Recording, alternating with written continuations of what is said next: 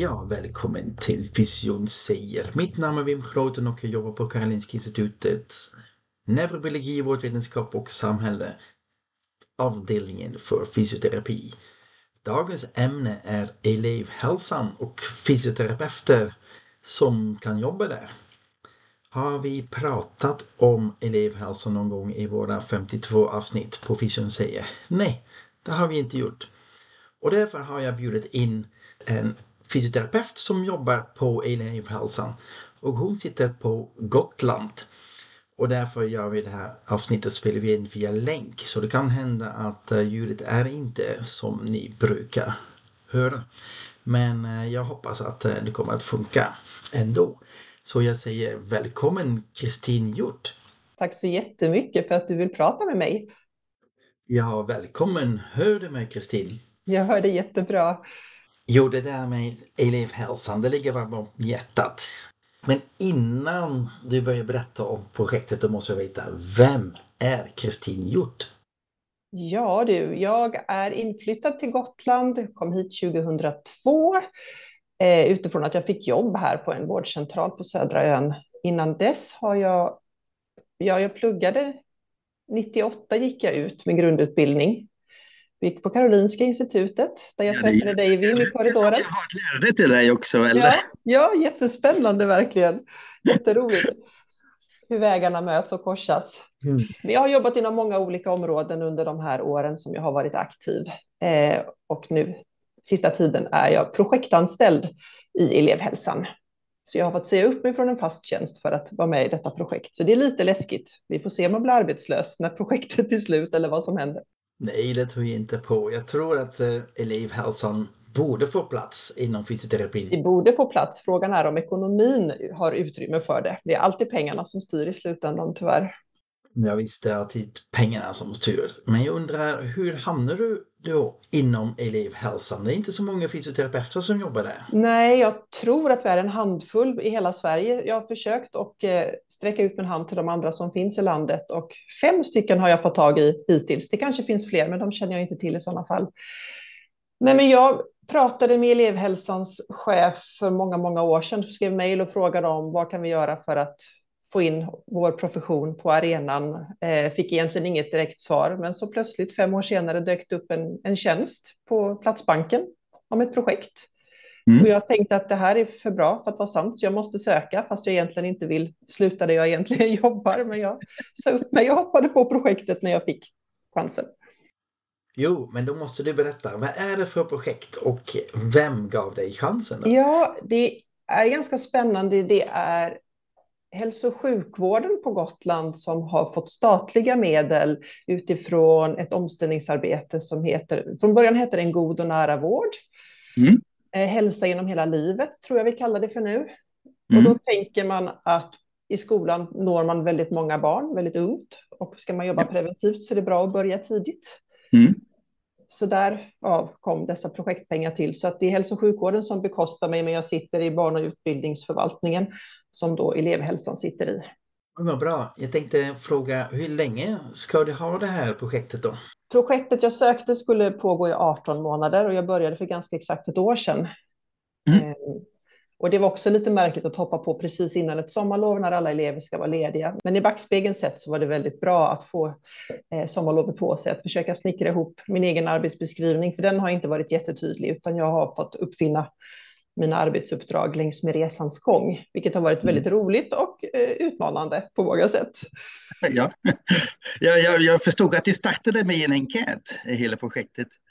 Ja, vi insåg ju ganska snabbt att politiken som förhoppningsvis ska bekosta mig eller den här tjänsten, mm. inte mig kanske, men professionens möjlighet att delta i elevhälsan längre fram måste ju ha siffror och någon sorts utvärdering på vad vi har gjort. Ja. Eh, och då var enkäten en sån sak vi tänkte att vi kan åtminstone försöka att, att ta reda på hur det ser ut här och nu och sen om det då kan förbättras utifrån de siffrorna. Eh, vilket är svårt att veta med väldigt kort tid. Men ja, vi gjorde i alla fall enkäter till elever i årskurs 4 och 5 som mm. mätte deras eh, aktivitetsnivå kring fysisk rörelse under hela dagen, både i och utanför skolan. Men det är de har själv skattat. Ja. Mm. Okej, så barnen fick skatta själv sina aktivitetsnivåer och eller de andra frågorna. Eh, det kan vara intressant att fråga dig då, hur är din uppfattning om de kan det, om de klarar av att svara på sådana här frågor? Hur överensstämmer det med din uppfattning av deras fysiska aktivitet till exempel? Alltså det är nog både och. En del tror att de rör sig mycket mindre än vad de gör och andra tror att de rör sig mycket mer än vad de gör. Så förmodligen ligger sanningen någonstans mittemellan. Ändå. Ja. Sen tror jag inte barnen och föräldrarna har riktigt samma uppfattning eller uppskattning om deras rörelse. Just det. Eh, för att eh, du gick och frågade barnen och inte föräldrarna. Yes, det tycker jag var smartare. ja, okay. Det är ju de vi vill påverka, tänker jag. Och bara ja. genom att man ställer frågor kring det så öppnar man ögonen för dem att det här kanske är någonting som man är intresserad av eller ska ja. prata mer om. Mm. Och jag finns ju på skolan och, och pratar ju mycket med, med barn dagligen, så det är ju fantastiskt. Ja. ja. Du vet inte, men jag sitter med en avhandling i min hand. Jag visar den på skärmen här. Ah. Som heter Neck and Shoulder Pain in School Age Children with Special Reference to Physical Activity, Sedentary Time and Physical Fitness Characteristics. Den är skriven då av Katarina Pirnes från Jyväskylä i Finland. Och jag ska vara opponent mot henne den 19 maj. Åh, oh, vad spännande. Så jag sitter och läser och läser och läser. Och eh, då blev jag väldigt förvånad att det är så lite studier gjort att du måste börja med en egen datainsamling.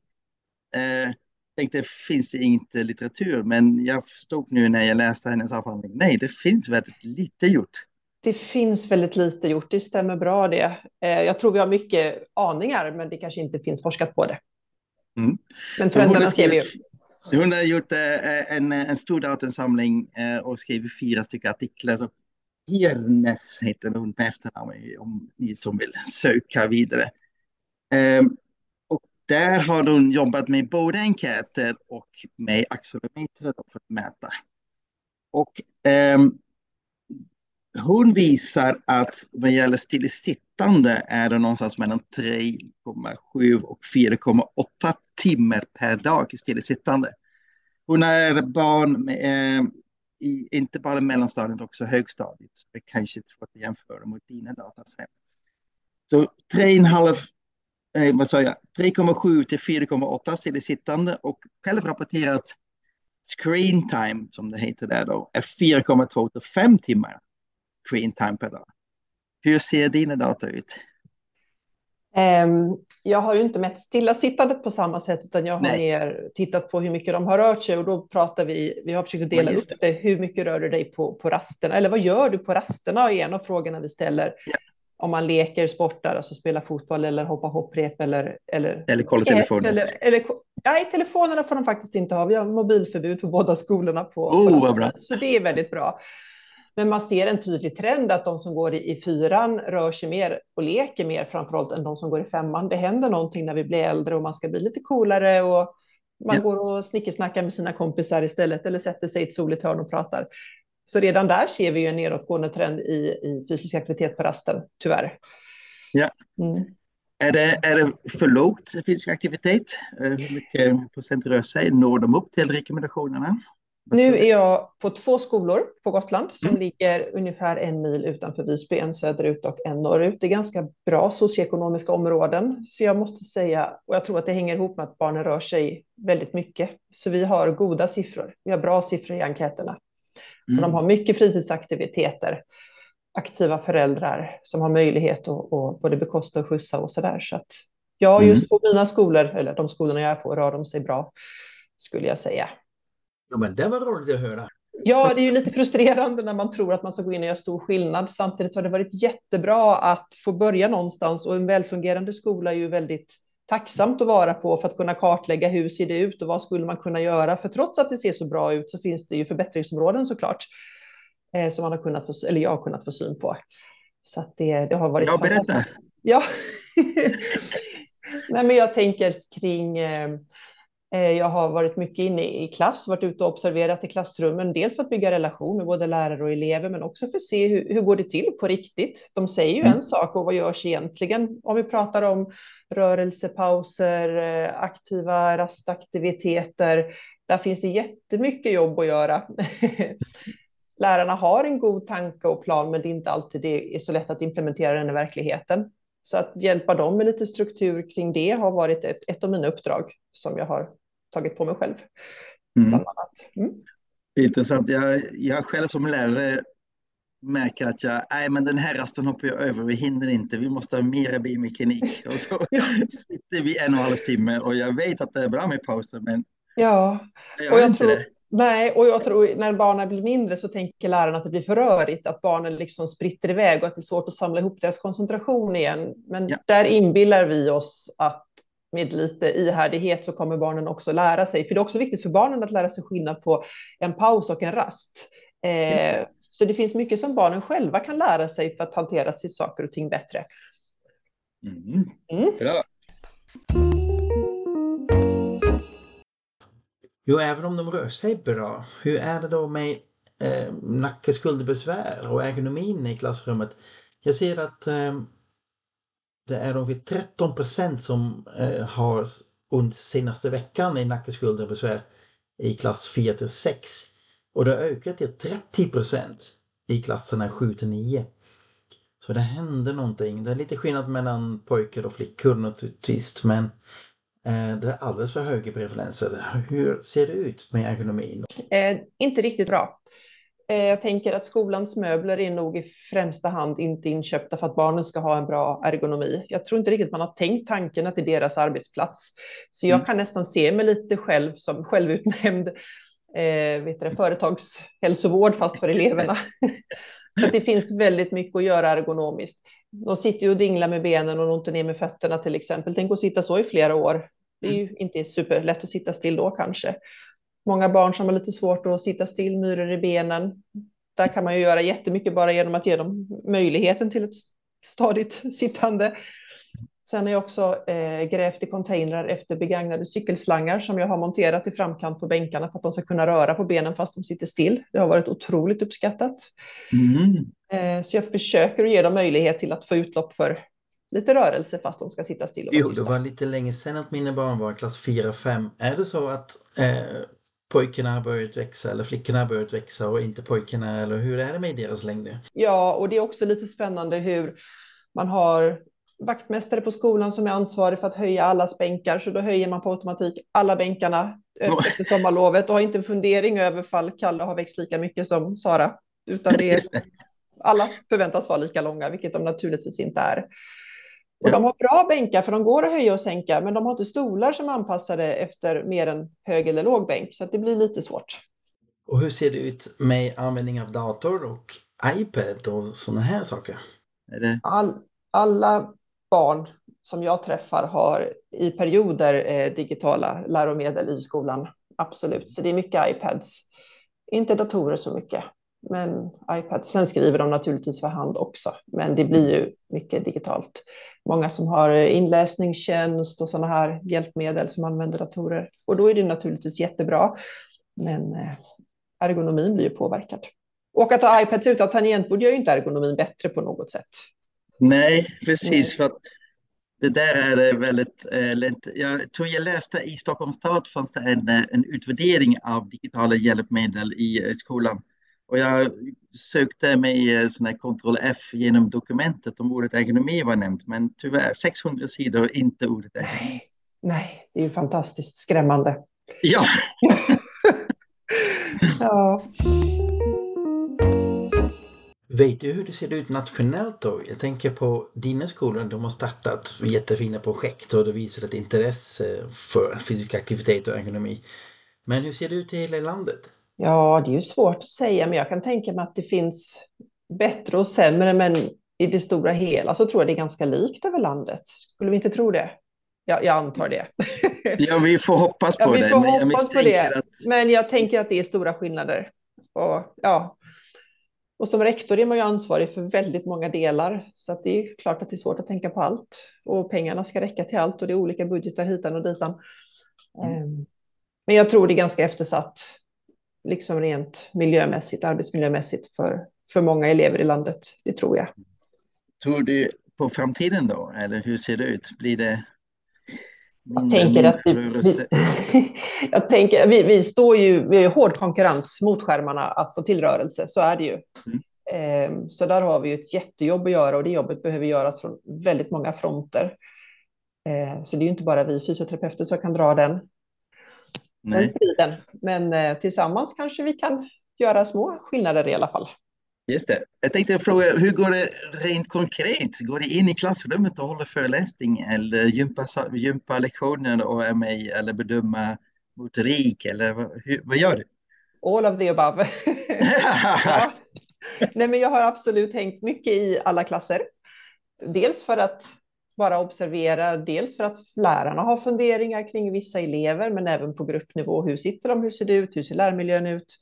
Jag har också varit jättemycket på idrottslektioner, pratat mycket med mina två idrottslärare. Jag har två fantastiska idrottslärare jag jobbar med. Båda är behöriga och på Gotland har vi inte enbart behöriga idrottslärare och där blir det också en skillnad hur man tänker och hur man resonerar. Men där ja. har jag fördelen av att de är behöriga. Eh, så de har ju med sig en del kunskap, men de kan sitt jobb och jag kan mitt, så vi kompletterar varandra, framförallt kring de här barnen som motoriskt befinner sig i gråzonen. Ja. Då kan jag ju gå in och hjälpa till och screena och bedöma och kanske handleda hur de kan tänka kring avvikande motorik och så där. Just det, för att jag, jag läste att det finns ungefär eh, 6 procent av barnen har något som heter They say day. Ja, precis. Förutom det, developmental coordination disorder. Precis. Det är ju en, en siffra som ligger ganska likt i hela världen, tror jag, i alla fall i västvärlden. Mm. Och det är ju ganska många om man ser, det är ju de vi kallar för typ klumpiga barn inom ja. situationstecken. Mm. Och de finns absolut, eh, men oftast i kombination med andra funktionsvariationer. Ja. Eh, men de finns ju absolut och de behöver ju, precis som alla som är avvikande fungerande, behöver ju någon sorts individuell guidning, vägledning för att få så optimalt fungerande som möjligt. Mm. Mm. Så där kan vi absolut göra skillnad. Just det, men ni, ni är inte riktat in i er, er till specifika diagnoser eller kanske Nej. Eller? Om vi ska titta på elevhälsans uppdrag i, i skollagen så, så ja. ska vi ju jobba främst eh, hälsofrämjande och då pratar vi om storgruppsnivå eh, och sedan ska man också jobba förebyggande och i enstaka fall på individnivå åtgärdande. Och då blir det ju att man hamnar mer som du säger, man går in och, och pratar i klass, man går in och håller en liten lektion jag personligen har snickrat ihop en ergonomilektion som jag haft för alla mellanstadieelever. Eh, elevhälsan har ju många insatser på de här olika nivåerna eh, i olika uppdrag som, som de har. Eh, och det ser säkert lite olika ut i landet också, men det är, det är psykosociala program och det finns något som heter JAM och det finns något som heter PAX. Vi har något som heter stadig grund. En, många olika grupp grupplektioner kan man väl kalla det för, mm. för att främja hälsan. Men då är det inte bara rörelse såklart. Fantastiskt. Eh, jag tittar i avhandlingen. Det stod det, då är det mitt, det är mitt i Finland och eh, Finland har ganska bra skolutvärderingar, bra betyg sånt där. Men jag ser att ungefär 30 procent har ont i huvudet minst en gång i veckan. Ja, det är ju fruktansvärt. Visst är det? Det är ju hemskt. Ja, och en av fyra eh, har ont i nacke eller skuldra. Då. Oh. Så, hela, det, hela det partiet, är det något specifikt om, som ni jobbar med, med de besvären? Så. Vi, när jag är ute och, och pratar ergonomi med, med, barnen så pratar jag mycket om just pausernas betydelse, om cirkulation, om rörelse, att försöka och bryta stillasittandet och det här med, med mobilnackarna och det här att huvudet ska vara framåt för mycket. Eftersom vi vet att man får mm. så mycket problem med, med smärta och, och verk. Så det ja. försöker jag verkligen prata om och det pratar jag även om när jag pratar med lärarna om rörelsepausen, att det behöver ju inte bara vara puls utan det handlar ju bara om att byta position och sträcka på sig och våga variera sin sittställning. Mm. Okej, okay, kanske om man jobbar med en iPad, den här iPod-ställ, så man då får den vinklingen lätt uppåt. Hur ser det ut? Hur ser... Nej, används ju aldrig. Vi har också skolbänkar med lock som kan vara uppfällda i olika lägen och jag försöker för att de ska fälla ner locken så att de ska få lite bättre vinkel, både på det de läser och det de skriver, men då glider ju pennan av, så det gör man ju naturligtvis inte. Nej. Eh, nej, så de sitter ju med armarna uppe vid öronen och ja. Okay. De är inte alltid så villiga till förändring, men de har, nej. jag tänker att man sår ett litet frö och så får man se vad vi skördar längre fram. Just det. Jo, men varför är det så? Varför är människan så lat? Varför gör man inte det? Ja, vad tror du? Ska vi prata evolution och eh, att spara energi till eh, mm. lejonattacken på savannen kanske? Jag vet inte. Nej. Intressant. Ja. Vi får slänga ut en fråga till lyssnare. Ja, precis, de får gärna besvara den. Besvara den. Jag börjar bli mekaniker, jag vet inte. Det här är utanför mitt, mitt område. Eh, intressant var eh, hon, eh, Katarina Pirnes hade mätt barnens eh, aktivitetsnivå med accelerometer och det, det, stämmer inte riktigt överens då med självskattat. Eh, men hon insåg då att för pojkar var det de som, som rörde sig eh, i måttligt är det hög aktivitet minst en timme om dagen. Då var risken för besvär i nacke och skuldror ungefär 30 procent lägre än de som inte rörde sig mm. måttligt eh, och så. Men detta samband gällde inte för, för tjejer. Nej. Vad har hon för hypotes kring det då? Nej, jag tänkte fråga det. Det är 19 maj. Det... Ja. Men eh, har du någon tanke? Är det så stor skillnad mellan tjejer och killar? Ganska stora. Hon märker också smärtförekomsten, rörelsemönstret. Det är ganska olika. Ja, nej, jag vet egentligen inte jag tänker bara när man ser på, på hur de bar, barnen rör sig och leker på skolan så är ju killarna mycket mer för lagidrotter, det är mycket mer är basket, innebandy, fotboll. Tjejerna rör sig på ett annat sätt. Jag vet inte om det på något vis påverkar. Det finns jättemånga tjejer som spelar fotboll på rasterna med, men det är generellt sett fler killar än tjejer som, mm. som håller på med de här eh, lagidrotterna. Att de får en annan gemenskap, kanske att de får en annan, annan arena att vara på. Mm. Och tjejerna kanske då mer aktivt väljer det här sociala, pratande, sätter sig i hörnet. Jag vet, jag vet inte, det är så det ser Nej. ut, men varför kan jag egentligen inte svara på. Nej. Det är en väldigt spännande resultat som dyker upp tror jag och eh, det kanske era, era projekt också kan leda fram till. Att vart, vart är ni på väg? Är det tanken att det ska produceras någonstans eller hur? Som det ser ut just nu så har ja. jag haft den fantastiska förmånen att få samarbeta lite med Uppsala universitet eh, där jag har en, en forskarkollega, eller vad man ska kalla henne för, Kini Johansen, jättetrevlig tjej som eh, både forskar och jobbar kliniskt. Så mm. hon har ju gett mig lite input på modeller, hur man skulle kunna jobba utifrån den forskningen hon följer. Eh, och vi har ju tankar på att försöka åtminstone sammanställa det materialet jag samlar ihop här un under mitt projekt. Sen om ja. det blir forskning av det vet jag inte, men eh, något sorts resultat hoppas vi ju kunna få i alla fall. Ja, jag tror det, jag tror det är viktigt att veta hur det ser ut. Ja. Och när man ser att det är så få fysioterapeuter inom elevhälsan, då finns det ingen chans att kartlägga den miljön och hur det ser ut. Och precis som ni säger, det är en otroligt viktig start för resten av livet. Man lägger sina motoriska vanor här. Visst är det så. Visst är det så. Ja. Kristin, du började berätta att du hade gjort en enkät. Men vad hände efter det? Vart är projektet på väg till? Jag har varit på två pilotskolor, eh, två mellanstadieskolor, låg och mellanstadieskolor, så det är från förskoleklass till sexan. Eh, mm. Och det är ungefär drygt 250 elever på båda skolorna, så 500 elever totalt. Och nu har vi provat det ett läsår och projektet ska egentligen då ta slut i november, men då känner vi att nästa termin blir väldigt kort så då har vi fått förlängt, vi har fått nya mm. medel, så vi får fortsätta som ett läsår till, så till juni 24. Och då är tanken att vi ska försöka lyfta mig i organisationen, så istället för att vara mot två pilotskolor så ska jag vara mot öns alla skolor. Men då ja. kanske jag mer får rikta mina uppdrag lite. Mm. Ehm, så jag har ingen exakt konkret plan för hur det ska se ut nästa läsår, men min tanke är att kunna erbjuda skolorna, elevhälsoteam och rektorer ett smörgåsbord av åtgärder en fysioterapeut skulle kunna göra och vara behjälplig med. Och så får de ropa på mig när de vill att jag kommer och gör någonting. Mm. I hopp om att det ska bli stor efterfrågan. Och då tänker jag just screena motorik, eh, handleda fritidspersonal kring aktiva raster, lärarna rörelsepauser, vara med och nosa i schemaläggning. Ergonomin ska vi ens en gång inte tala om, där finns det hur mycket som helst att göra. Så jag tänker att jag kommer ha en del att erbjuda. Och jag hoppas att eh, det finns några lyssnare här som kanske tänker, ja men det där kan jag också göra i min kommun. Precis, absolut. Ja, Kristina, vad har du mer på gång då? Sen har jag också försökt att eh, driva eh, fysisk aktivitet på receptfrågan här på ön så att ja. våra skolsköterskor ska känna sig mer bekväma i att, att förskriva recept i, i förebyggande syfte, inte diagnosrelaterat utan mer stadiet innan.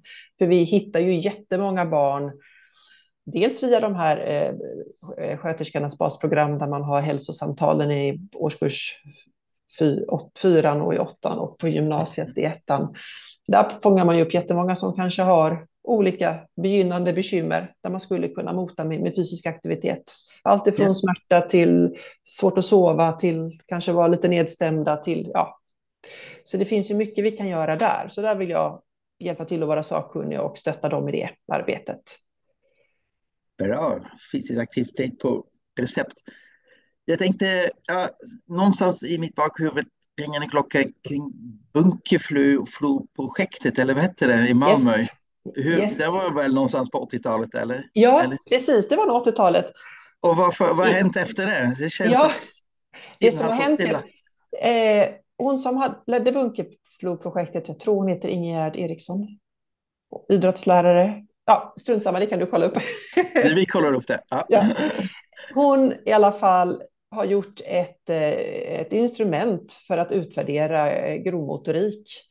MUGI kallas det, motorisk mm. utveckling genom inlärning står det för. Och det är det som alla vi skolfysioterapeuter i landet använder för att screena barnen. Så det har ju verkligen fått cirkla på vattnet.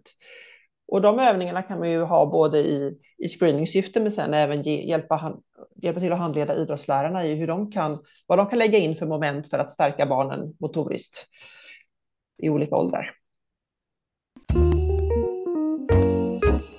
Jag tänker, är Gotland lite annorlunda än resten av Sverige?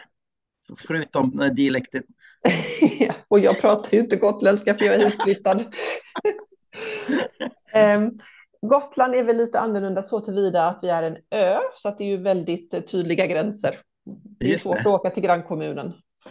Vi har absolut elever på gymnasienivå som åker till grannkommunen för att, för att studera, men ja. de flesta håller sig här, här på ön. Eh, vi har inte heller det här traditionella med kommun och landsting, utan vi är en region. Eh, Just det. För att vi jobbar då i olika förvaltningar, så att med det ska vi motsvara. Och det kanske är lite lättare beslutsvägar där då, lite kortare? Ja. Eller, eller ännu mer administration? Och... jag, vet, jag vet inte, jag kan inte jämföra eftersom jag inte har jobbat på det här sättet någon annanstans i landet. Just det. Intressant. Bra där, men då eh, tänkte jag fråga en sista här nu. Är det, finns det några myter kring det här med barn och hälsa och eh, eh, screen time och så? Är det så farligt? Ja, det tror jag faktiskt. Jag tror vi är farligt ute. Jag tror det händer så mycket centralt uppe i hjärnan med de här skärmarna som är jättesvårt att ersätta med det vanliga livet som vi levde innan. Jag tror mm. de här produktutvecklarna som finns där har alldeles för mycket kunskap om vad våra hjärnor vill. Ehm, så att jag tror det är läskigt. Jag, jag kan bli lite skrämd. Ibland kan jag känna att jag är glad att mina barn är så pass stora som de är, att jag inte ska behöva gränsa dem kring skärmanvändandet som man behöver mm. göra med de här yngre förmågorna. Eftersom det, är, det blir ju mycket konflikter i hemmen kan jag tänka mig kring det. Mm. Många barn släpper fritids väldigt, väldigt tidigt och vad går de hem till? Om de går hem till sin skärm istället för att vara på fritids och leka med sina kompisar så kanske man sätter sig och umgås med kompisarna på nätet. Det är ju inte bara av ondo såklart, för man får ju ett rikare socialt liv och man kanske lär sig mm. engelska fortare och andra saker. Och man blir ju väldigt snabb i, eh, i fingrarna och tangentbordsteknik och allt sånt. Men yeah. jag tror ändå att det är eh, en farlig konkurrent till andra saker som är mer hälsosamma. Ja, jag står bakom dig helt mm. utan kanske alldeles mycket eh, belägg, men vi måste skriva avhandlingar om det här nu och ja. verkligen kunna visa det här. Att det är, eh, också kanske, det var intressant i hennes avhandling, just nu är jag inne helt där då, att det var så stor skillnad mellan självrapporterat screen time och stillasittande. För att de de skriver då att man har minst 5-6 timmar screen time, eh, skärmtid, och så har man uppmätt då ungefär fyra timmars stillasittande. Betyder så, det att de använder skärmen även när de går då? Kan det vara ja, så? precis. Eller accelerometers rörelse. Man, man sitter in kanske inte helt stilla. Nej, så kan det vara. Eh, när, man, eh, när man tittar, när man rör sig. Fast då var det ändå ganska positiva siffror att det inte var tvärtom, tänker jag, eller hur? Ja, precis. Så det känns också bra. Eh, eller att man överskattar då sin skärmtid. Ja. Att, man inte, att det kanske inte är så dåligt som vi tror. Men ändå fem timmar per dag för en tioåring. Det kanske... Ja, det är väldigt många timmar. Det är för många timmar, va? Fast det borde vara lätt att titta i skärmen hur mycket den har varit använd. Det finns ju ja. så mycket moderna appar i de här telefonerna nu för tiden. Just det. Och vi har nästan också suttit här nu 45 minuter och tittat i en skärm. Mm.